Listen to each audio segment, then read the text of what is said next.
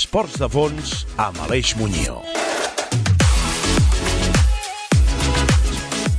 Bon dia, bona tarda, bon migdia, bon vespre o bona nit.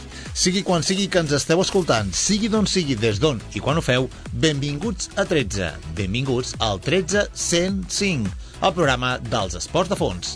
Aquí és la casa de tots els apassionats i apassionades dels esports de fons. Aquí és la casa de tots aquells i aquelles que no ens fa res passar fred al matí, passar calor al migdia, matinar per fer allò que més ens agrada o desafiar les hores de son i dels àpats, els vespres i els migdies.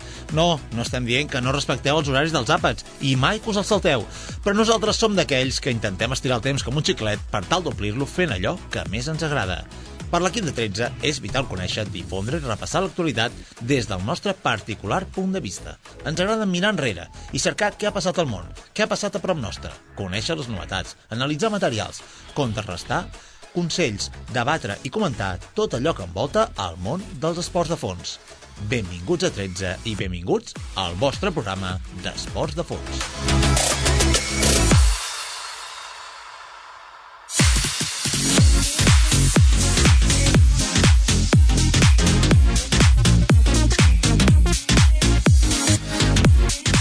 Què tindrem avui a 13? Boc and roll. Repassarem aquella actualitat i el que està notícia per al nostre equip d'esports de fons addictes. Triatló, duatló, atletisme, trail running, ciclisme en ruta i mountain bike. I avui amb les següents seccions. Cal 13 farà un any. Recordarem el que va passar al món dels esports i al món en general el 2005. Cara bé. Reptes, desafiaments, superació, històries petites de grans persones. Hi ha gent que vol ser una estrella de l'atletisme, que vol formar part de l'èlit, però us imagineu que de cop i volta fóssiu un atleta popular corrent enmig de les estrelles? El nostre protagonista ho va aconseguir. Caçadors de curses. Hi ha curses dures i hi ha corredors durs, però avui viatjarem a la que s'autoproclama la cursa ciclista més dura del món. Però en realitat, avui us parlarem de la contrarrellotge més llarga del món, la Race Across America. Avui parlarem de les ganyifetes en el món dels e-esports. Parlarem d'aquella gent que des de Swift, la plataforma que més guapetat de ciclisme virtual, enganya i falseja per tal d'aconseguir més triomfs de manera virtual. Enganyar-se un mateix és eina de psicòleg, però enganyar el Swift també, avui a Omnibus. I ara que ja sabeu què és el que s'hi dona a 13, comencem l'hora de 13. Entrenament, psicologia, competició, recuperació, nutrició... Tots els professionals dels esports de fons tenen cita a 13. Esports de fons.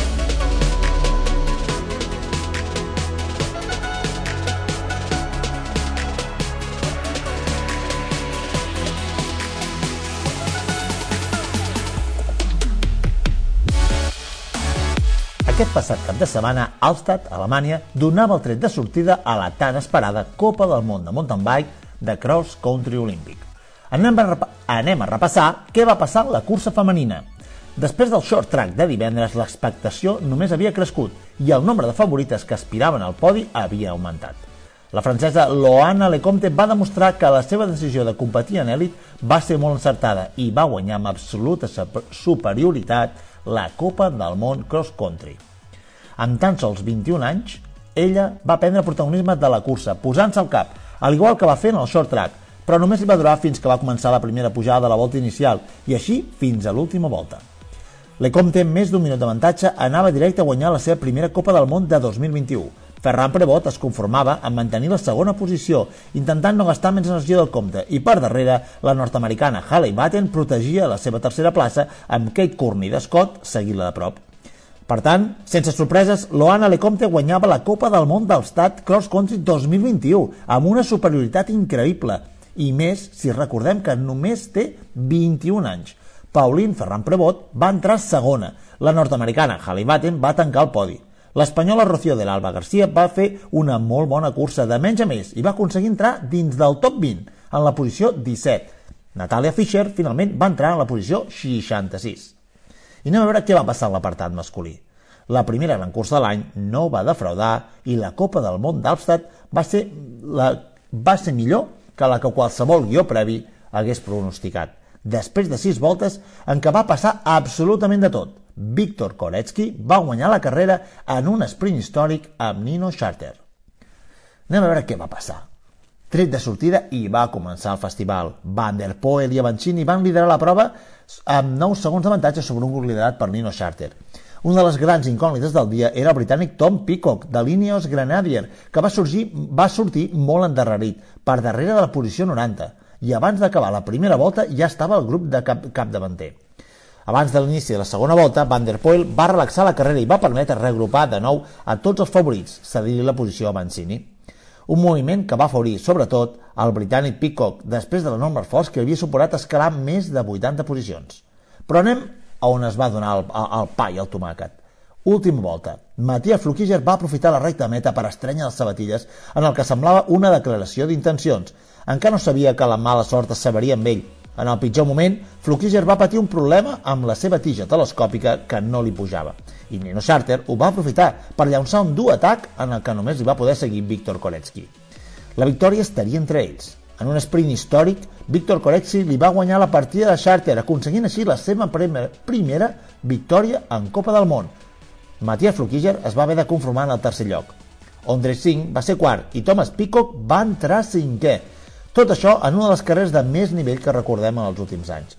Entre els espanyols, David Valero va ser el primer en la posició 28, seguit del seu company d'equip Pau Rodríguez, a la posició 38. Ismael Esteban va acabar en la posició 46 després de fer una gran remuntada èpica sortint per darrere del 100. Jofre Cullell va entrar al 55, Sergi Mantecón al 60 i Pau Romero al 109.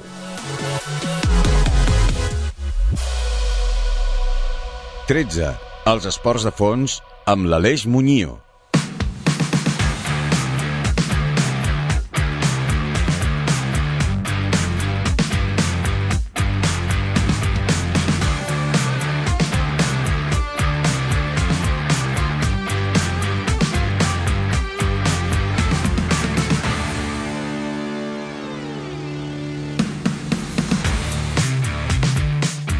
Ciao Alexandro, por hemos empezado la primera Gran Tour del año, el Giro de Italia. Durante las próximas tres semanas van a hacer más de 3.000 kilómetros, empezando y acabando con contrarrelojes, y con tres días de más de 4.000 metros de desfilar, incluyendo la Socalan.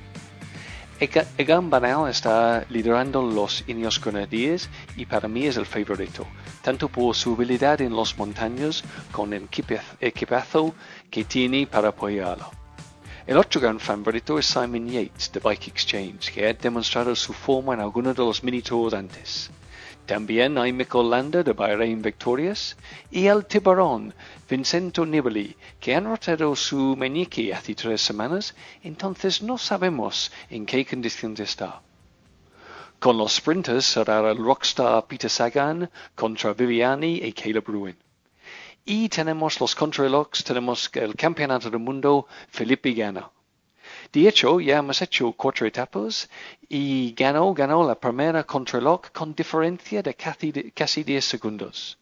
En la segunda etapa era el día de los sprinters, una etapa bastante tranquila, pero en los últimos 10 kilómetros empezaron muchos empujes y al final un nuevo nombre ganando el sprint. Alsalem Phoenix, que está debutando en el Tour, lleva la primera con el belga Tim Mellet. También en la tercera etapa, ocho belgas y ocho debutantes en Taco Van de, de Intermarché. Taco Van estaba en el breakaway. Y casi nadie. Esperaba que siga hasta el final, pero lo ha hecho y con mucha emoción. Y hoy han sido la primera etapa de montaña, al final un día con mucha lluvia y otro debutante, John de, uh, Joe de Brasco, y un cambio de, uh, de maillot para Israel Startup Nation con Antonio De. Tenemos muchísimos días más de ciclismo en Italia y por ahora todos han sido deb debutantes. ¿Van a seguir? La verdad es no lo sé, pero tenemos que esperar. Hasta la próxima. 13. Els esports de fons a Ràdio Sabadell.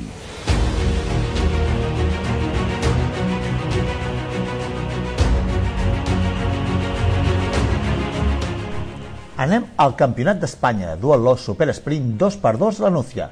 la Nucia va acomiadar tres noves jornades de la Lliga de Clubs de Dualó amb el Campionat d'Espanya de Dualó Super Sprint 2x2, un nou format que es posava en pràctica per primera vegada. Cada equip l'integraven sis esportistes diferents, en un format de dualons super sprint amb relleus individuals i en grup. En categoria masculina, Cidade i Lugo Fluvial es van dur la prova després de moltes alternances al llarg dels quatre dualons de, de la competició. El Diablillos de Ribas va finalitzar segon i Saltoki Triquedeac va quedar en tercera posició. En categoria femenina, Diablillo de Rimas va guanyar segon Cidade Lugo i tercer el CA Vetera. El Prat Triatló, el club català, va quedar quart en categoria femenina. I anem a veure i a repassar tota l'activitat que hi ha hagut aquest passat cap de setmana. Dualons, mitja distància, triatlons... Repassarem un format de titulars. Trixilxes olímpics sense drafting, victòria de Sánchez Matecón i de Sara Pérez. Half Corona Aranjuez, rècord de participants i victòria de Sonia López i Miquel Ugarte. Dualó de Zuya, victòries de Gonzalo Fuentes i de Nara Oronoz. Campionat de Balears de Triatló Cross, victòries d'Edu Laporte i Ellen Montanari. I a tall, de, a tall de notícia, recordem que aquest proper cap de setmana s'inicien les sèries mundials de triatló a Yokohama, amb la presència dels espanyols Fernando Larza, Míriam Casillas i Antonio Serrat. 13. Esports de fons. A la secció dels esportistes, ganyifes i ganyifetes, avui volem girar-nos i mirar-nos més enllà dels esportistes d'elit. Volem mirar els atletes populars. Per què? Doncs perquè els atletes populars també són protagonistes de moltes ganyifetes, de moltes trampes i de moltes trampetes. I més enllà de les competicions existeix tot el món que ha entrat de fort, que ha entrat fort amb la pandèmia, el món dels e-esports. I avui us volem centrar en el món del Swift, la plataforma de ciclisme virtual que ho ha patat durant tot aquest últim any. Ella no és exempta d'esportistes que també intenten fer les seves ganyifetes. No sabem quin tipus, però sí que n'hi ha moltes que són fàcils de trobar.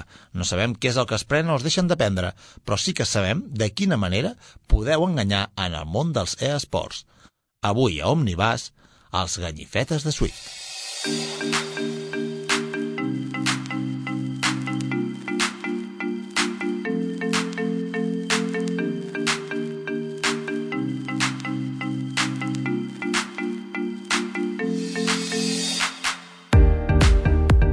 Swift és la plataforma de ciclisme virtual que més ho peta, vol dir que avui a Omnibus parlarem de les ganyifetes en el món dels esports. Swift, una aplicació on podríeu trobar el Joan Moy o on podríeu trobar a mi mateix, però on segurament no ens veureu ni el Joan ni a mi fer ganyifetes. Si veieu algun ciclista en aquesta plataforma que coneixeu que va massa ràpid, pot ser que estigui fort com el vinagre de cooperativa, o pot ser que estigui fent servir algun dels trucs o trampetes que permet Swift. Intencionadament o no, enganyar la plataforma de ciclisme virtual Swift és possible.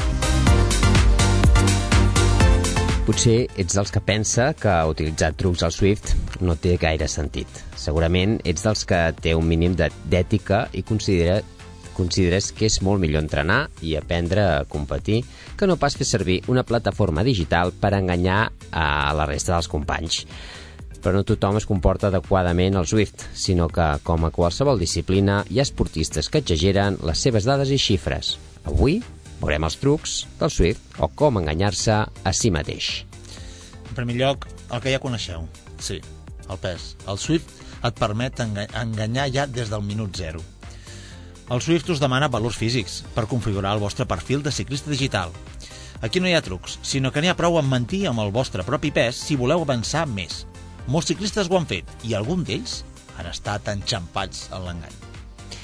Sí, com més pes, com menys pes poses, eh, més augmenta la teva relació pes-potència i ets capaç d'avançar més amb menys esforç. A tall de curiositat, un ciclista professional pot moure al voltant de 6 watts per quilo.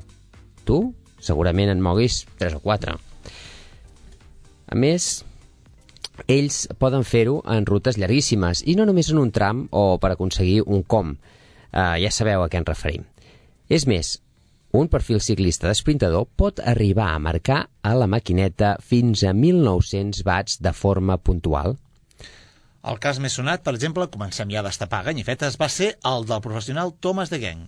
Bronze al Giro del 2013, que va ser expulsat perquè s'intuïa que mentien la seva potència. Ell es va defensar dient que 550 watts de mitjana que va produir la seva bici eren valors acceptables per un ciclista professional. Però la cosa va quedar enterbolida, i és que baixar-se de pes de manera real és el truc més utilitzat per ser un dels més senzills de fer. Però, però n'hi ha més. Sí. També han caçat algun ciclista masculí competint en competicions exclusives per, uh, per dones, es, uh, no, impo no important el gènere, quan es tracta de guanyar una equipació cara. Clar, perquè aviam en el Swift, què és el que guanyes? Et donen un, un premi, et pots, pots uh, veure't uh, el teu avatar doncs amb un mallot diferent, amb Clar, unes mallot. ulleres, un casc... Clar, i això també hi ha gent... És que hi ha gent que li falten moltes És abraçades. capaç, sí, sí, és capaç sí. de fer trampes per veure un ninotet pedalar eh, vestit d'una forma concreta. Un altre dels més sonats i recorreguts és, sens dubte, un calibratge erroni del potenciòmetre. Si la majoria poden argumentar que es tracti d'un error molt tècnic, que ells no saben controlar, però la qüestió és que també hi ha els casos en què aquesta mala regulació fa que en Swift els bats siguin més, més grans que els reals. El que s'ha dit sol ser que és una qüestió difícil de dirimir per la qüestió tècnica que suposa la regulació del potenciòmetre, però també hi pot haver algun murri en això. Si no sabeu calibrar el vostre potenciòmetre, el tercer truc que explicarem et, eh, us queda ben lluny, perquè és més tecnològic eh, del, del que sembla. El va desenvolupar Brad Dixon, un famós assessor de ciberseguretat que va usar el comandament de la Xbox de la Xbox, Xbox, perdó, Xbox. Xbox, per enganyar el sistema amb un codi obert, eh, amb, una, amb un mini ordenador, per interceptar la informació eh, que es, de comunicació entre el potenciòmetre i l'aplicació, interceptar-ho i modificar aquestes dades. Va trucar al sistema des de dins, una cosa a l'abast de ben pocs. Home, això ja és un ganyifeta molt, molt, molt, molt ganyifeta, però molt friqui, també. Sí, no sí. Aviam, també pots fer... També hi ha gent que fa trampes amb el Swift, com? Doncs fa... Que això es van veure unes imatges. Amb, amb una moto, damunt d'uns rodillos, d'uns corrons, i donant-li gas. Doncs podeu veure el vídeo perquè, perquè és cert. És cert, això. Sí, això sembla, sembla broma, però, però, podeu trobar, en el YouTube ho podeu buscar. El fet és que el dopatge obligarà les competicions de ciclisme virtual a perfeccionar els seus controls. Fa una mica més d'un any que la Unió Ciclista Internacional va deixar entreveure que podria organitzar un campionat mundial de ciclisme virtual i encara que no hem tingut més no- notícies sobre aquest, aquesta modalitat ha seguit creixent amb tornejos com el Movistar, el Movistar Virtual Cycling, el campionat nacional organitzat des de la Federació Anglesa o la Lliga Professional organitzada per Swift. Davant del boom de ciclisme virtual, alguns aficionats van començar a preguntar-se si seria fàcil per fer trampes en aquest tipus de competicions. I ara sabem que sí, que, és, que, que, que poden fer trampes. El consultor de seguretat cibernètica, Brad Dixon, va donar una conferència en què explicava com ell mateix havia aconseguit trampejar les dades que enviava Swift per ser més ràpid que qualsevol carrera. El, el Brad Dixon és el que estàvem explicant de la, De la Xbox. De la, de, la, de, la, de la Xbox. El mateix Brad Dixon, però, també parla d'un dopatge virtual molt més assequible, que pot ser fàcilment detectable si el, fa, si el que fa les trampes doncs, no, no està gaire basat. Com bé passava en el, en el món del ciclisme el món de l'esport real, també moltes vegades va en funció de quin metge tens, que és el que t'ha d'afinar el tema. Hi ha valors que són impossibles en aquest esport, com podem aconseguir velocitats molt altes en pujada o tenir una relació potència-pes que no sigui lògica. Encara sobre això, també s'apunta que qui pot estar enganyant el programa dient que pesa 50 quilos al lloc de 80 per poder augmentar després la seva potència virtual amb, amb això que explicàvem. En qualsevol cas, sembla que Swift ha pres bona nota del, dels experiments de Brad Dixon i de les altres fórmules bàsiques que hi haurien com enganyar el pes. I per què vas i, i com es va solucionar aquest tema? Amb la amb la ZADA. Uh, la ZADA uh, bueno, és l'agència d'antidopatge de Swift per evitar les trampes en els esdeveniments doncs, d'esports uh, electrònics. Swift eh, creix en adeptes gràcies a l'allau d'usuaris que ha tingut en aquesta fase de confinament que hem passat. Amb això, les opcions de trobar tramposos i la complexitat dels sistemes per detectar-los, ZADA és l'agència doncs, que, que fa, doncs, que intenta desenmascarar eh, aquests trucs que van sortint contínuament. De fet, de fet, l'ASADA existeix des del 2016, és a dir, fa més de 5 anys de, de l'agència antidopatge del Swift. molts de nosaltres hem conegut el Swift en els últims any i mig però és una plataforma que va començar ja al voltant de fa, fa més de, de 6-7 anys als Estats Units. A mesura que les competicions virtuals han guanyat protagonisme gràcies a ser l'única opció eh, de competir en èpoques de confinament, també han anat, eh, ho han fet fer. eh, els usuaris que busquen trampes per brillar en aquests esdeveniments en línia. Al cap i a la fi, Swift no és més que un joc en línia i les trampes o trucs estan associades a aquest tipus d'oci des dels seus inicis. Aviam, quantes vegades hi havia gent que sabia com petar-se i tenir, per exemple, tots els armaments en determinats jocs, o tenir vides infinites, o fer que no et matessin, o marcar 100 gols de cop amb, quan era un equip de futbol, o poder tenir unes habilitats o jugadors que corrien sí, a 3.000 sí. per hora. Els trucs, els trucs de, dels jocs, no? Clar, hi havia, que... sí, hi havia llocs on... Me'n recordo que hi havia la, la revista Hobby Consoles, que et deien joc a trucs per, per aconseguir saltar de pantalles i ara tot. Ara has dit, has dit hobby consoles i ara es pensaran que ets un boomer. Clar, és veritat, és una mica boomer, això de hobby consoles. ja sigui per, per, per aconseguir uh, recompenses oficials o en el propi joc uh, com s'intenta detectar trampes uh, dutes a terme pels mateixos usuaris, doncs l'ASADA uh, s'intenta doncs, bueno, deixar a la gent doncs, sense, sense aquesta sense aquesta M'he perdut. Ah, t'has perdut, molt bé. M'he perdut. No, pensava que estaves fent una disserció. No. Aviam, en el passat s'analitzaven esportistes de manera individual, en funció dels seus resultats, però ara el camp d'actuació és molt més ampli i s'analitzen totes les activitats. A la franja d'anàlisi automàtica, el sistema té en comptes diferents variables, si bé algunes d'elles no són públiques de manera oficial per part de Swift per evitar que els tramposos sàpiguen quins punts atacar per saltar-se el control. Clar, si et diuen com et salt, què aniran a buscar, la gent saltaria, el, buscaria com fer les trampetes. Qualsevol esforç de 5 minuts a 6 watts quilo o o més passa a ser sospitós, així com xifres de més de 5 watts quilo durant 20 minuts. Aquestes xifres solen suposar que t'expulsin temporalment de l'activitat. Exacte. Aviam, jo t'he de dir que últimament, quan, de fet, quan estàs amb el Swift i algú ja passa de 6-7 watts quilo, ja ho posen en vermell. Sí. I quan ja es passa una estoneta, ja, ja el peten de l'activitat. Sí. De fet, et surt un missatge on et deixen continuar amb l'activitat, però ja fora dels resultats. És a dir, a tu no, no, no, no se t'apaga l'aplicació, et deixen continuar pedalant, fent el teu recorregut, però ja estàs fora de competició. És com, en realitat, la seva manera com de sancionar-te no és dir, no et deixarem, eh, com podria passar, et sancionem sense poder fer pràctica del ciclisme, no. Et diuen, no pots competir. Bueno, de fet, això també passa, perquè quan tu et sancionen al món real, no et diuen no corris més. Et diuen no corris més amb un dorsal al davant. Clar, no competeixis. Exacte, exacte. Zwift, Zwift, a més, compta amb una base de dades de funcionament dels rodets més habituals, gràcies als quals pot tenir una idea aproximada de com cada corró interpreta els bats, possibles desviacions o dades incorrectes. Per això, en competicions rellevants, han afegit el factor humà a l'hora de donar per legítim o no un determinat rendiment. Alguns dels participants en aquests esdeveniments importants de la comunitat Swift són analitzats manualment.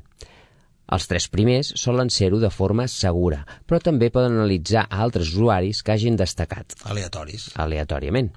Swift, eh, en el seu, amb el seu programa ZADA, compta amb una comunitat de voluntaris formada per experts usuaris de la plataforma i fins i tot entrenadors. Ells s'encarreguen de revisar les dades de rendiment de l'usuari, contrastar-los amb, altres particip amb altres participacions en la comunitat Swift i, en últim cas, prenen la mesura més rellevant, justificar els números del seu rendiment amb nombres similars en activitats en el món real. És a dir, que t'agafarien el teu perfil i mirarien com et bellues eh, en un món que no sigui el, el, el, el de Swift. Clar. Això, agafaríem, si, si tu tens enregistrada una activitat al Garmin, clar, no? diuen 800 metres de desnivell en bici doncs va a 32 per hora. I llavors, clar, en el Swift anessis a 60 per hora pel mateix, dirien...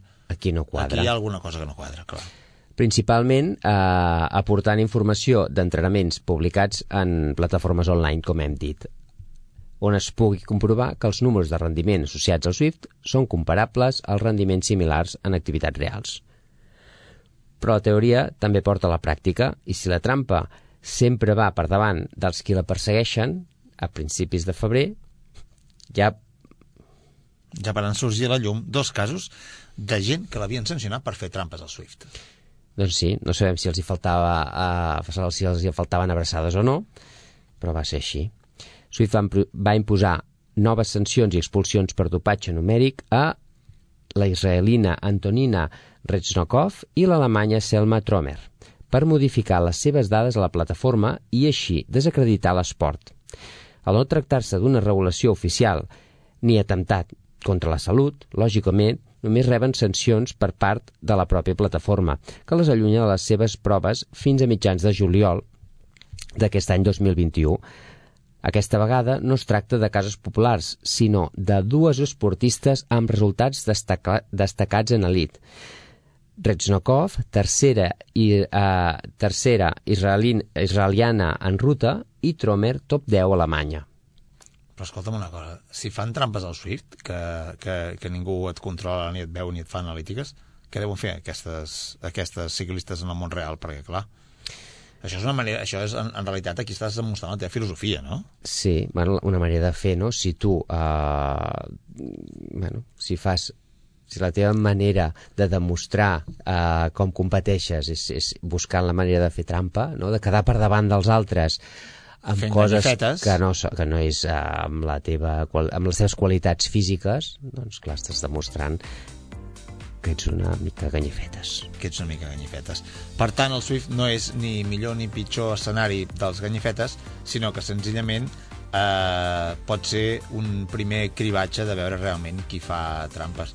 I el, el, potser el millor que té és el Swift és que ens deixa veure com molts atletes populars eh, fan ganyifetes i si no en fan més doncs és o perquè no tenen a l'abast la tecnologia per fer-les o, o perquè, perquè evidentment com que són amateurs no hi ha ningú que els hi vagi fer cap analítica ni cap detecció de, de si fan De- ganyifetes o no De contrastar les dades, Clar, no? perquè posar que pesis 30 quilos si en peses 65 evidentment aniràs més ràpid Clar.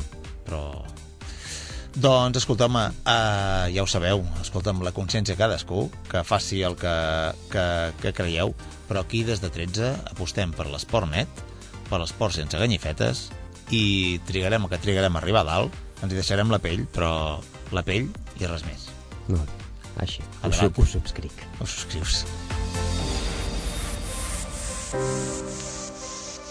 Trail running, ciclisme de muntanya, triatló, ciclisme en ruta, running, esquí de muntanya. Els esports de fons a 13. Esports de fons. 2005, el recordeu? Què va passar al món dels esports i al món en general? Lai Estreguer ho sap ben bé i ens condueix a un viatge a la memòria no tan llunyana.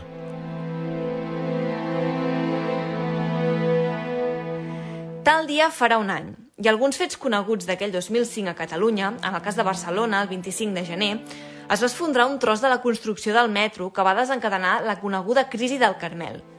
I més endavant, i endinsant-nos en el món dels esports, el 14 de maig el Futbol Club Barcelona es va proclamar vencedor per diferència de punts en el torneig de la Lliga 2004-2005. I també en el món dels esports, aquell mes de maig, la Sant Boiana de rugbi va conquerir el seu sisè títol de Lliga. Més endavant, um, i ara ens n'anem cap a Berga, el 28 de maig el jove berguedà de 22 anys, Josep Maria i Santa, va ser assassinat a la nit de divendres a dissabte a la Patum de Berga. Tot i que la versió oficial assenyala que l'acció es deu a un acte de violència gratuïta, altres fonts no descarten el mòbil polític del signe anticatalanista. I després de l'estiu, el 5 de setembre, al Penedès, en època de barema, els viticultors del Sindicat Agrari Unió de Pagesos van bloquejar l'entrada i la sortida de pro productes de la planta de Freixenet i Codorniu a Sant Sadurní de Noia i de Torres al Pacs del Penedès. L'objectiu era protestar pel preu de les indústries que paguen, pel, que paguen pel raïm blanc i el vi, destinat a cava, que no cobreix les despeses de producció. I aquell mes de setembre també es va inaugurar a Barcelona la Torre Akbar, el tercer edifici més alt de la ciutat, amb 143 metres d'altura. I també aquell mes de setembre, el 30 de setembre exactament, es va aprovar en el Parlament de Catalunya per 120 vots a favor i 15 en contra el nou Estatut d'Autonomia, que va proclamar el seu, en el seu article 1 que Catalunya era una nació. I a la resta del món d'aquell 2005, el 27 de gener a Polònia es va celebrar el 60è aniversari de l'alliberació al camp d'exterminació nazi d'Auschwitz, en presència de 44 caps d'estat i del govern. Més endavant, el 28 de febrer, la pel·lícula espanyola Mar Adentro, d'Alejandro Almenábar, va guanyar l'Oscar a la millor pel·lícula estrangera. I al cap de dos mesos, el 22 d'abril, al Vaticà, va morir el papa Joan Pau II a l'edat de 84 anys, després de més de 26 anys de pontificat. I també aquell mes d'abril, el 6 d'abril més concretament, a Mònaco va morir el príncep Renier III de Mònaco, a l'edat de 82 anys, després de 56 anys de regnat. I el 19 d'abril, a la ciutat del Vaticà, Josep Alois Ratzinger és elegit com el 265è papa de Roma i adopta el nom de Benet XVI. I finalment, el 23 d'abril d'aquell any, es va penjar el primer vídeo al YouTube. I en el món dels esports d'aquell 2005, el Tour de França, que es va celebrar del 2 de juliol al 24 de juliol, van quedar en primera i segona posició Lance Armstrong i Jan Ulrich, però van ser desposseïts de les seves posicions en aquesta cursa i oficialment es considera que aquesta edició del Tour no té vencedor oficial. Pel que fa al Giro, va quedar en primera posició Paolo Saboldelli i a la Vuelta va quedar en primera posició Roberto Eras, que a més a més es va celebrar del 27 d'agost al 18 de setembre. Seguidament, pel que fa al Campionat del món en ciclisme en ruta, a la categoria masculina va quedar en primera posició Tom Bonen i en la categoria femenina va quedar en primera posició Regina Schleicher. Seguidament, pel que fa al Campionat del món de triatló, va ser Hunter Kemper, que va quedar en primera posició de la categoria masculina, i Annabel Luxford en primera posició de la categoria femenina. Finalment, pel que fa al ciclocross, en la categoria masculina va quedar en primera classificació Sven Nys i en la categoria femenina va ser Hanka Copperfangel qui va quedar en primera posició.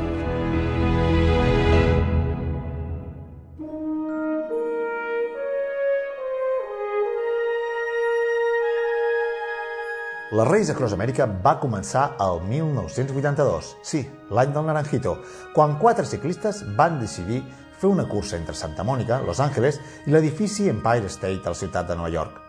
El fet és que quatre amics, i de fet no sabem si eren amics, es van posar d'acord i van acceptar el repte de cobrir la distància entre aquests dos punts, de punta a punta dels Estats Units, com qui decideix fer una ruta cicloturista, com la que vam fer tu i jo, Joan, -huh.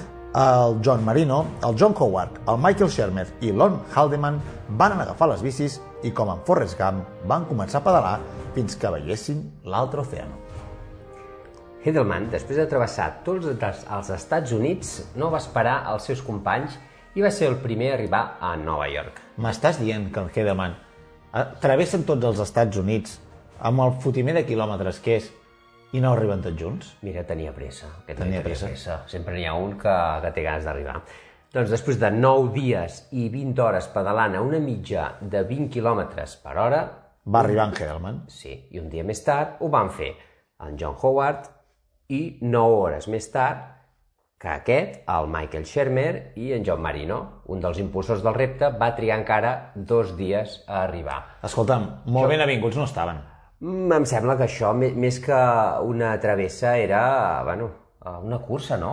Clar, Has però dit- aviam, queden, queden quatre amics. Diuen, eh, saps què farem? Farem una travessa d'aquí fins a allà. I clar, tu vas... Perquè clar, una cursa que fas entre quatre, que dius, va, vinga, uh, farem una cursa... N'hi haurà un que no guanyarà, que no, tindrà, que no pujarà al podi. saps? Es van buscar tres amics i van buscar el que era lent, perquè clar, n'hi ha un que va trigar dos dies més que els altres. Sí, sí, sí. Clar. Però, però clar, dius, home, després de, durant nou dies, te'n vas amb quatre persones a fer una ruta cicloturista i, i llavors que, que vas, vas a la teva bola, ignores els teus companys i dius, escolta, però per què quedes? Ves tan sol. No cal que quedis amb ningú per anar amb bici. Sí, sí, si te'n vas tu sol Des d'aquí fem una crida a tots aquests que sortiu a entrenar als caps de setmana i que, i que deixen la gent enrere. que deixar la gent enrere, que si plau, bueno, no ho dic, eh, no ho dic per mi, eh, Aleix? No, no. Ho dic per mi, però, si plau, tingueu compassió dels, dels companys dos dies més tard, pobre. Home, tu, tu t'imagines? No, no allà dius, m'espero dos minuts, no. Clar, dos dies més tard. I l'altre arriba l'endemà. És a dir, que en realitat el tercer, l'últim, va arribar tres dies més tard que el primer. Sí, sí, Home, molt ben avinguts no estaven. certament. Jo entenc que quan fas esforç et pot costar, però aviam. Després del primer any, el nom de l'esdeveniment es va canviar per Race Across America. Calla tu, que no fos eh, pedalada entre amigos, el primer any. El primer any, sí, el primer any això de Race aquí No, era, no, era no tenia sentit. We are going together across America. Però, clar, després el que va arribar tres dies més tard va dir, home, No, no, això, no, això no és una pedalada, Ha amics. estat una cursa, no? Clar, és, eh, pues, Posem-li- Eren quatre, però això és una race. Sí, sí. Clar. Posem-li el nom que, que, que li escau. Doncs li van posar el nom finalment de Race Across America i la participació es va sotmetre a la qualificació més que a la invitació. Per tant, tu eh, havies de tenir un temps mínim, no, suposo, i havies de- de- d'acreditar que estaves qualificat per, per poder travessar Clar. els Estats Units. Amb, amb 9 dies o amb 12. Això mateix. El concepte va agafar força i l'esdeveniment es va anar ampliant any rere any amb eh, grups de tot el món que es presentaven per competir. Doncs des de fa 38 anys, Race Across America, a partir d'ara li direm com la marca aquella de llet antiga, la RAM, ha desafiat els ultraciclistes de tot el món per empènyer els seus límits físics i mentals fins als límits més alts. Començant a Oceanside, sota un dels molls més llargs de Califòrnia, travessa 12 estats i acaba a City Dock, a Annapolis, Maryland. No sabia ni que hi havia un poble que es deia així. La meca de la vela de la costa est. La ruta viatja d'oest a est, travessant tres grans serralades, la Sierra, Rocky i els Appalachian. Travessa quatre dels rius més llargs d'Amèrica, Colorado, Mississippi, Missouri i Ohio, i les Grans Planes. I també passa per els emblemàtics monuments americans com els deserts de Mojave i Sonora, Monument Valley, Great Plains i Gettysburg. Són 4.800 quilòmetres i un desnivell acumulat de 53.340 metres d'ascensió. Déu-n'hi-do, Déu-n'hi-do, eh? Home, aviam, amb 9 dies, 53.000 metres, tu compta quants et surten cada dia, eh? Sí, sí. Aviam, divi- dividim. 5.000? Clar, 5.000. No, no, i, i una mica més. més. Bueno, el que va trigar 12 dies, potser una mica menys de 5.000, però Déu-n'hi-do. Doncs la cursa s'ha convertit en una icona mundial amb més de 35 països representats. Aquest tipus d'esdeveniments sempre van lligats també a accions solidàries dels seus competidors que aprofiten la participació per recaptar fons. Han recaptat més de 2 milions de dòlars anuals durant els darrers 5 anys. Sí, la gent sempre associa aquests super ultra reptes, ultra eh, d'ultrafons, amb alguna causa, per tal de mirar de que el viatge que fa doncs, també generi molt engagement i molt, i molt seguiment i llavors doncs, ho associen amb un donatiu. Doncs mira, es paguen el viatge i fan un donatiu. Això està bé, això està bé. Correcte. Els equips de relleus, que és eh, una de les modalitats, Pot ser la més cerebral. Sí. Uh, es va introduir l'any 92, l'any del Covid, L'any del Covid. no del Covid, No, què és aquest? i es van convertir ràpidament en, en el segment de la cursa més popular i de més ràpid creixement. Hi ha l'opció de dos, de- d'equips de, dos, quatre i vuit corredors, Que equips de dos dir parelles. parelles, sí. Clar. I aquesta modalitat fa més accessible l'esdeveniment a qualsevol ciclista. Home, aviam, si t'has de cascar 5.000 quilòmetres, doncs mira, si ho fas La meitat. entre 8, Sí. o entre 8, doncs mira, què, què són? 500, eh, 600? I dius, bueno, doncs potser, depèn de com faci els relleus, potser m'hi atreveixo. Els corredors provenen de tot el món i de tots els àmbits de, de la societat. Els corredors poden ser tant aficionats com professionals i gent amb feines o parcials a temps complet i que, òbviament, tenen una passió per anar en bicicleta. Home, per fer 5.000 quilòmetres has de tenir passió per anar en Per bicicleta. fer 53.000 quilòmetres, 53.000 metres, metres de, de desnivell, T'ha d'agradar. t'ha d'agradar molt. Sí. Els corredors tenen edats compreses entre els 13 i els 75 anys. Escolta'm, amb 13 anys jo crec que això és una matada molt gran, eh? Déu-n'hi-do. Sí, Sí, clar. sí, no sé si físicament això és, és sa per, per un... Bueno, Home, per la la- pròstata no. I pel pompis no. Doncs aproximadament el 50% són de fora dels Estats Units i al voltant d'un 18% dels corredors són dones. Déu-n'hi-do, déu nhi déu però, de les, però la majoria de les persones que competeixen al RAM, al Race Across America, simplement ho fan per divertir-se, per desafiar-se a si mateixos.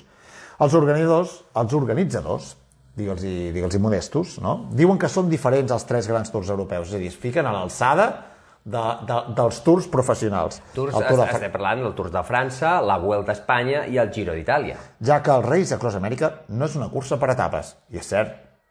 El Race Across America és una etapa contínua. Un cop comença el rellotge, un cop fan l'start line, el temps no s'atura fins a la meta. És la contrarrellotge més llarga del món. És a dir, que clar, per això els, les mitges els hi surten com els hi surten, perquè clar, tu et donen la sortida i si et pares a dormir, et pares a dormir, però és temps que la cursa va seguint. Clar. No és allò, avui hi ha una etapa de 100, demà de 300. No, no, allà és apa, tira milles. I si no dorms, escolta'm, doncs tira. Però no és tan fàcil poder-hi participar als Reis de Cross Amèrica. T'has de classificar. Per la Reis de Cross Amèrica, tots els corredors solo han de classificar-se per competir en proves que la mateixa marca fa al llarg dels Estats Units. L'avantatge, i a més que han vist que és el, el, suposo el punt de negoci, per molt que no ens enganyem, això ha de ser un negoci. Els equips no estan obligats a classificar-se a la RAM. És a dir, només si participes de forma individual. Home, és que, clar, jo crec, jo crec que t'haurien de t'haurien de preguntar què et passa si te'n vas a fer tu sol 5.000 quilòmetres seguits. Però bueno, els, els iniciadors d'aquesta iniciativa el 1982 van trigar 9 dies i 20 hores. Però, Joan, les marques estan per batre-les. Certament. El rècord ma masculí d'en Christoph Strasser el 2015, amb, de, de pedalar 4.860 quilòmetres, va ser amb una mitja de 26 amb 43 km per hora. La dona més ràpida va ser Sienna Hogan, el 95, que va fer una mitjana de 21 amb 29 km per hora. És a dir, una contrarrellotge, una contrarrellotge individual, sense parar, a la que si en reniu els requisits podeu registrar-vos-hi ja. La propera edició, Joan, eh, ens queda, ens queda d'aquí poc. D'aquí un mes i escaig. El 15 de juny, en modalitat solo, i el 19 de juny, si ho volem fer plegats, si ho volem fer en equips. Doncs, bueno, va, endavant. Quan ens costarà això, Aleix? Mira, si, si resulta que, que, que no ens acabem de, de, de portar bé, que allò que dius, mira, jo faré sol, eh, són 4.075 dòlars l'inscripció. 4.000 tu i 4.000 jo, no? Si anem sols, sí. Mm. Però mira, si diem, va, vinga, ho farem en parelles, així, fem, eh, tu, vinga, va, no pedala tu, són 6.100 euros.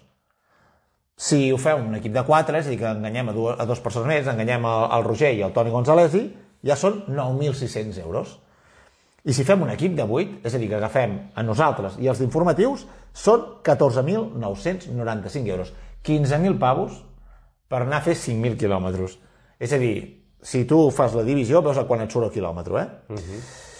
Però bé, com bé sabeu, a Caçadors de Curses volem donar una opció més fàcil i propera. Apostem pel producte de proximitat. I tot just farà tres estius, els que us fem aquesta secció, el Joan i jo mateix, varen fer el coast to coast de les nostres terres, la travessa de, dels Pirineus. Però, Joan, aquí hi havia uns pioners. Els pioners del coast to coast de proximitat, de quilòmetre zero, qui van ser? Doncs a principis dels anys 90, quan tot just teníem les primeres mountain bikes a casa nostra, Jordi Laparra, Alfons Valls i Jaume Bonaventura van creuar els Pirineus en bicicleta de muntanya i van confeccionar una guia sobre el recorregut per dur a terme la travessa, a la travessa des del mar Mediterrani fins al mar mm, Cantàbric, la Cantàbric, eh, que és l'altre Castellà. Ponte, sí, Sí. eh, que avui dia és la clàssica travessa amb BTT més freqüentada pels ciclistes cada any. De fet, es pot fer en 8 o 9 etapes. Inclús la podeu fer en 10. Són uns 650 quilòmetres i uns 16.000 metres de desnivell. Des de Llançà a Ondarribia, al País Basc. Per poc més de 400 euros podreu dormir en hostals, menjar i tornar a casa i viure un coast to coast casolà, particular i increïble. Animeu-vos-hi.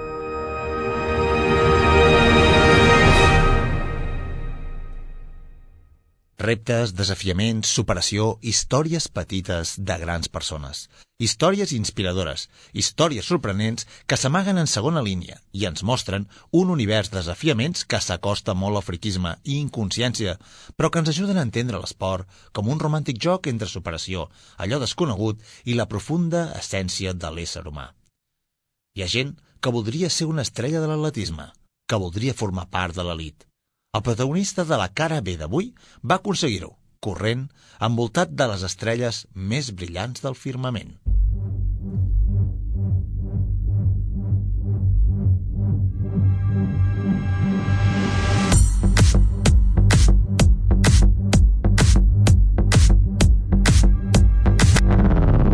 Ting Peak va néixer a Chichester, West Sussex, al 1972 i va créixer amb la seva germana Fiona, la seva mare Angela, que era llevadora, i el seu pare Nigel, periodista.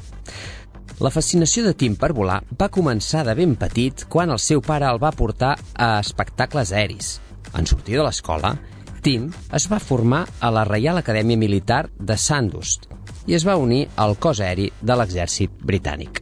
Bé, quan diem en sortir de l'escola no vol dir un qualsevol dia a quarts de sis, quan la seva, la Àngela el va anar a buscar a l'escola, o quan el Nigel el venia a buscar després d'escriure el diari local.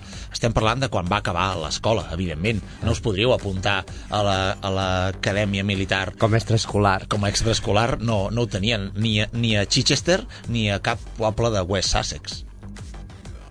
Va servir durant gairebé, gairebé 18 anys a Irlanda del Nord, a Alemanya, Bòsnia, Afganistan, Kènia i Canadà. En Tim és un rodamont. Tim va volar, va fer volar avions i helicòpters. Que va fer volar, no vol dir que els fes explotar. vol dir que volava amb ells. Sí, sí, però volava amb ells, però com a, pilot. dins, com a pilot. A, a dins, clar. Si no hauria Sí, sí. sigut... Hauria, s'hauria, voldria dir, estaríem dint, Tim, l'home que simulava. Bueno, uh, fer, fer, clar, sí. Fer, fer, Però- no volar, spoilers. fer volar vol dir que era el, el senyor El aquell... pilot, el pilot. Que, sí, que fa de pilot Sí. I els fa volar. Doncs això, també va passar temps amb l'exèrcit nord nord-americà. Es va formar com a pilot de proves, un treball perillós, volta, eh, provant avions nous. déu nhi eh? Sí, sí. I va obtenir un grau en dinàmica de vol. Sí, és molt interessant, això. Mira, no era, no era pas curtet. El 2008, Tim va veure un anunci en línia reclutant nous astronautes per a l'Agència Espacial Europea. Esa, esa, esa agència. La ESA, La ESA, sí. Sí, sí. Doncs bé, de més de 8.000 aspirants eh, que van fer la sol·licitud, Tim va ser un dels 900 pre preseleccionats per una avaluació d'un any. Mentrestant, en Tim es va retirar de l'exèrcit britànic com a Major Tim Peak, És a dir, havia, havia pujat de rang. havia ascendit. I va anar a treballar com a pilot de proves d'helicòpters. Al cap d'uns mesos d'aquesta nova feina, va rebre una trucada telefònica. Saps qui trucava l'eix? Els de Movistar, els, No. de, els de Vodafone, No, els de Mena. no, uh, esa era l'essa. Ah, era esa llamada, la que Esa? estava esperando. Sí, sí, doncs li oferia uh, un dels sis llocs com a astronauta. De 8.000 sol·licitants, en Tim va passar totes les seleccions i era un dels sis. És a dir, que en Tim, en Tim no era un timo, eh? Era un Tim... No, no, no, no era Sí. un mediocre. Tothom volia fer persona. Tim amb ell. Sí, era un, un bon partit. Tim es va traslladar a Colònia, Alemanya, amb la seva dona Rebecca i el seu fill petit per començar a entrenar-se. En Tim va haver d'aprendre rus i va practicar eh, amb el vestit espacial sota l'aigua per experimentar la sensació de gravetat zero. També va passar una setmana en una cova subterrània humida i fosca de, Sar de Sardenya i 12 dies en un laboratori submarí a 20 metres sota el mar. Les condicions extremes i el subministrament limitat d'aliments eren una mica semblants a la vida de l'espai. Bueno, aviam, tu has llegit extremes, però posa estretes al guió. Perquè, clar, vol dir, en realitat el que feien, el ficaven... Ah, a mi semblat, poc- a mi m'agrada molt aquesta, aquesta prova empírica de, com que hauràs d'estar a l'espai en un lloc es, eh, estret, et fotem quan... Dins d'una- dins d'una gruta. A, a, dins d'una gruta, eh, és, eh, realment la tecnologia ha, ha, ha, evolucionat molt. Sí, sí, a la, a, o sigui, com, com a la NASA, que és allò que l'agència espacial, que tenen tots els mitjans, que fan? Et En- porten a un una lloc cova a a, de, Sardenya. a una roca, Clar, mig allà a fer de- d'ermitar. d'ermitar, clar. Molt bé, doncs el 2013 l'Agència Espacial eh, Europea va anunciar la missió d'en Tim a l'Estació Internacional Espacial, anomenada Principia, després dels famosos llibres sobre la gravetat d'Isaac Newton. Sí, sí, mm, Bueno, el Principia Sí, sí, Physicae sí. o alguna cosa així, deu, segur, segur que és llatí. sí. Amb l'astronauta eh, amb amb l'astronauta nord-americà Kopra i el cosmonauta rus Yuri Malenchenko, És, és veritat aquest nom, eh? no te l'has inventat. No, No, no, no. me, no me l'invento, és Malenchenko. és sí, sí, així, un era astronauta i l'altre era cosmonauta, que Sí. sí. no sé la diferència, però, però Astro i, Astro i Cosmos. Potser Cosmos? un té més rang. un, un pot anar Ara, més lluny. Potser és que en el món espacial un, un, pot, un pots anar per l'univers i l'altre només pots anar per la teva galàxia. Clar. És com allò del carnet B1 i el B2. Sí, sí, serà això. Però allò, tu podes ir hasta... Clar, però amb tants anys llum, bueno, no sé quan pots amortitzar el carnet.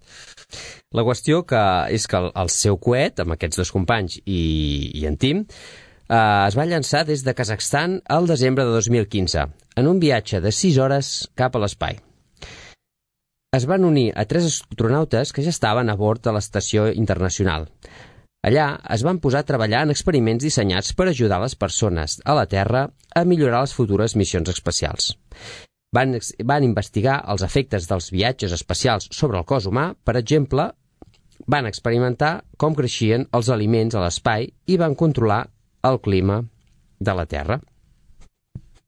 Això, això, això és jugar a ser Déu, no? Com, com Van controlar el tipus de. Tot? Van, sí. Què feien? Ara, que, que llueva! Sí, sí, bueno, Ojo, ojo que no sigui els que llavors, clar, controlen les aplicacions aquestes del weather del, del, dels smartphones. però això no és controlar, això és predir, no? Clar, no, però ells ho controlaven. Tenir un Escolta, control del que passarà. Escolteu-me, guionistes, Sisplau, Esteu descobrint- fem una crida. fem una crida a la veracitat en els guions de 13, Sí, sisplau. que som uns conillets d'Índies. Clar. Bueno, doncs, després de fer aquestes feines, Tim també es va convertir en el primer astronauta britànic a fer un passeig espacial. Ah, molt bé. El 15 de gener, ell i Tim Copra es van aventurar fora de l'estació internacional durant 4 hores fent reparacions. Al juny del 2016, Tim, Copra i Malechenko van tornar a la Terra. Aquesta vegada, el viatge va trigar 3 hores. La meitat. No és que tenien el vent a favor. Feia el vent a baixada, favor. feia baixada. Clar, feia baixada. En Tim tenia moltes ganes de prendre una pizza. Molt rellevant aquesta informació. És que, clar, la ingesta de carbohidrats és important. És important. Sí, claro. Quan, quan vens de, de l'espai, vens amb una gana. Clar. Home, tu imagina't, t'han fotut en una cova. Ja abans d'anar-hi, et foten en una cova 12 dies i et fan estar en un forat 20 metres sota terra i dius, hòstia, i llavors quan vas a l'espai, clar, tu quants dies portaves sense menjar, en Tim? Una pizza molt, perquè menges allò de, de coses deshidratades i això. Després va tornar a Alemanya per passar temps amb la seva família i fer proves posteriors. Tim havia orbitat la Terra unes 3.000 vegades, recorrent uns 125 milions de quilòmetres a una velocitat mitjana de 27.000 quilòmetres per hora, i el seu cos necessitava temps per recuperar-se. Home, tu imagina't, tu ves en moto a 27.000 km per hora, jo crec que se't, se't desencaixa la cara. Si Clar. necessites temps Necessites recuperar-te. per recuperar-te. No sé, si, no sé si necessites una pizza, però per recuperar- recuperar-te segur. Però si fas això amb una pizza a l'estómac, igual la vomites. Però el seu cos, com bé dèiem, el seu cos necessitava recuperar-se per quelcom més que estar ingràvid a l'espai. Allà enmig de les estrelles, en Tim havia practicat una d'aquelles coses que més li agradaven fer quan tocava de peus a terra. I era l'activitat de córrer. Sí, no la de menjar pizza, era la de córrer. El bo d'en Tim no només va córrer, sinó que, a més a més, va córrer una marató.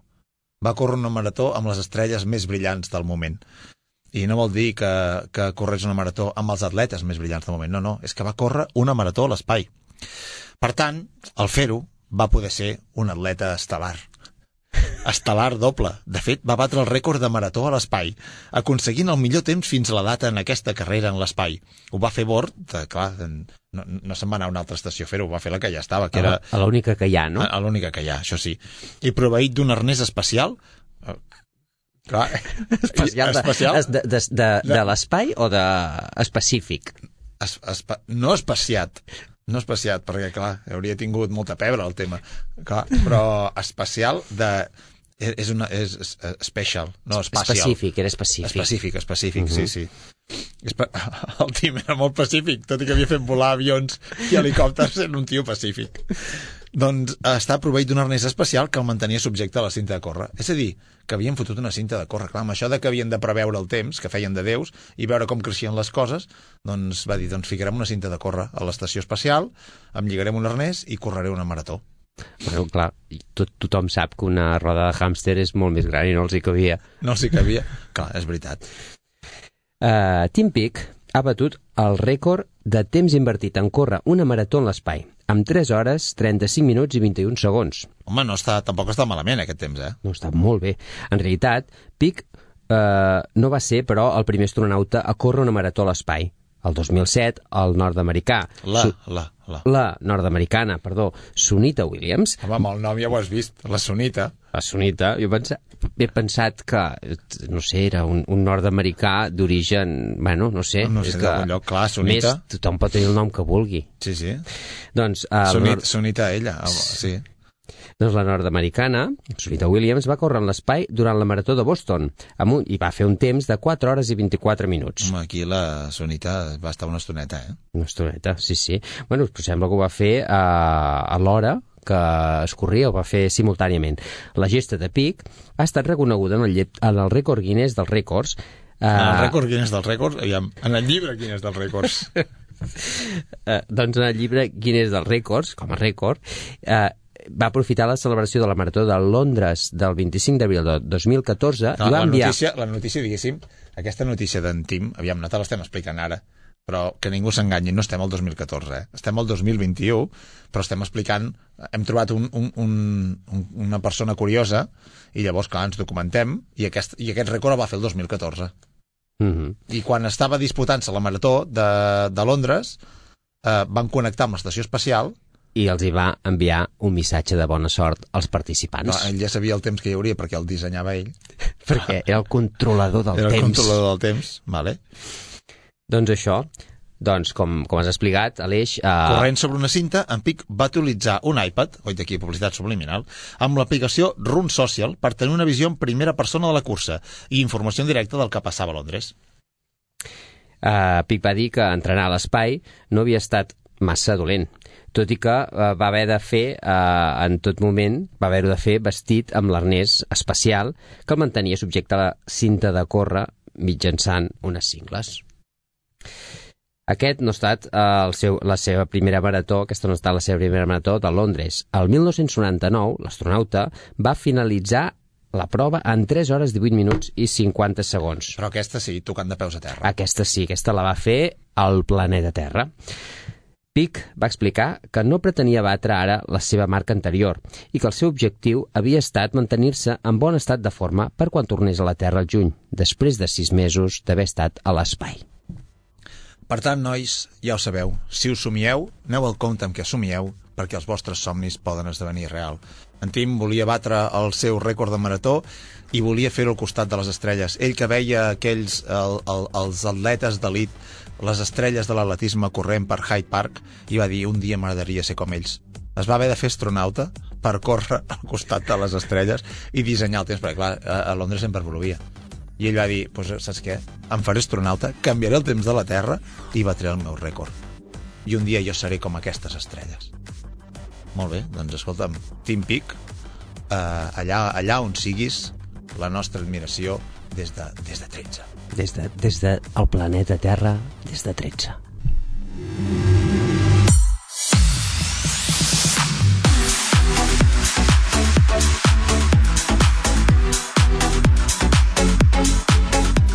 I 105 hores després finiquitem un nou 13, amb la coloració de Joan Moya, Adam Goldthorpe, Guillem Caldés i Laia Estreguer, amb el suport tècnic de Roger Benet.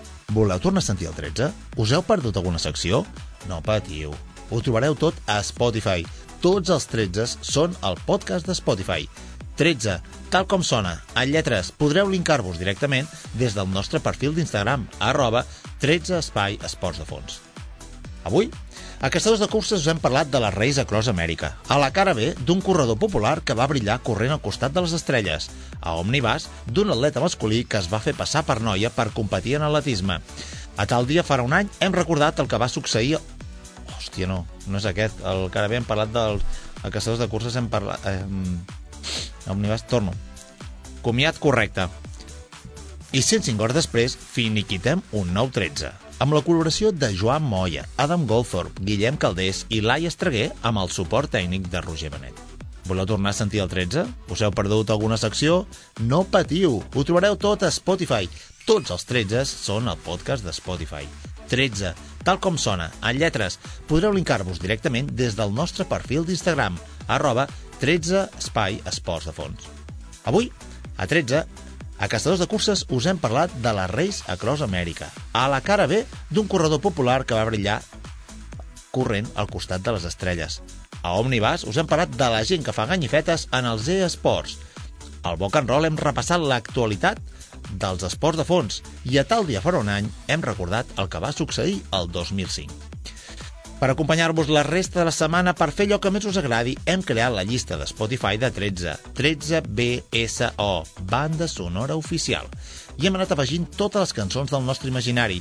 I és l'hora, doncs, d'afegir-hi la que hem escollit entre les que més van patar-ho el 2005 i la que més ens ha agradat a l'equip de 13. Avui tanquem la paradeta amb Fix You, de Coldplay. Gràcies per formar part de la família de 13 i d'aquests 105 programes. I tal com deia Coldplay, us arranjarem o no. El senyor de Coldplay creia que sí, que podia arreglar-vos. I nosaltres creiem que us podem arreglar una miqueta les ganes de poder sortir a córrer, d'anar en bicicleta, d'anar a nedar o bé d'anar a fer muntanya. Gràcies per formar part de la família de 13 d'aquests 105 programes i fins la setmana que ve. Gaudiu molt i molt de tot, de tots i de totes.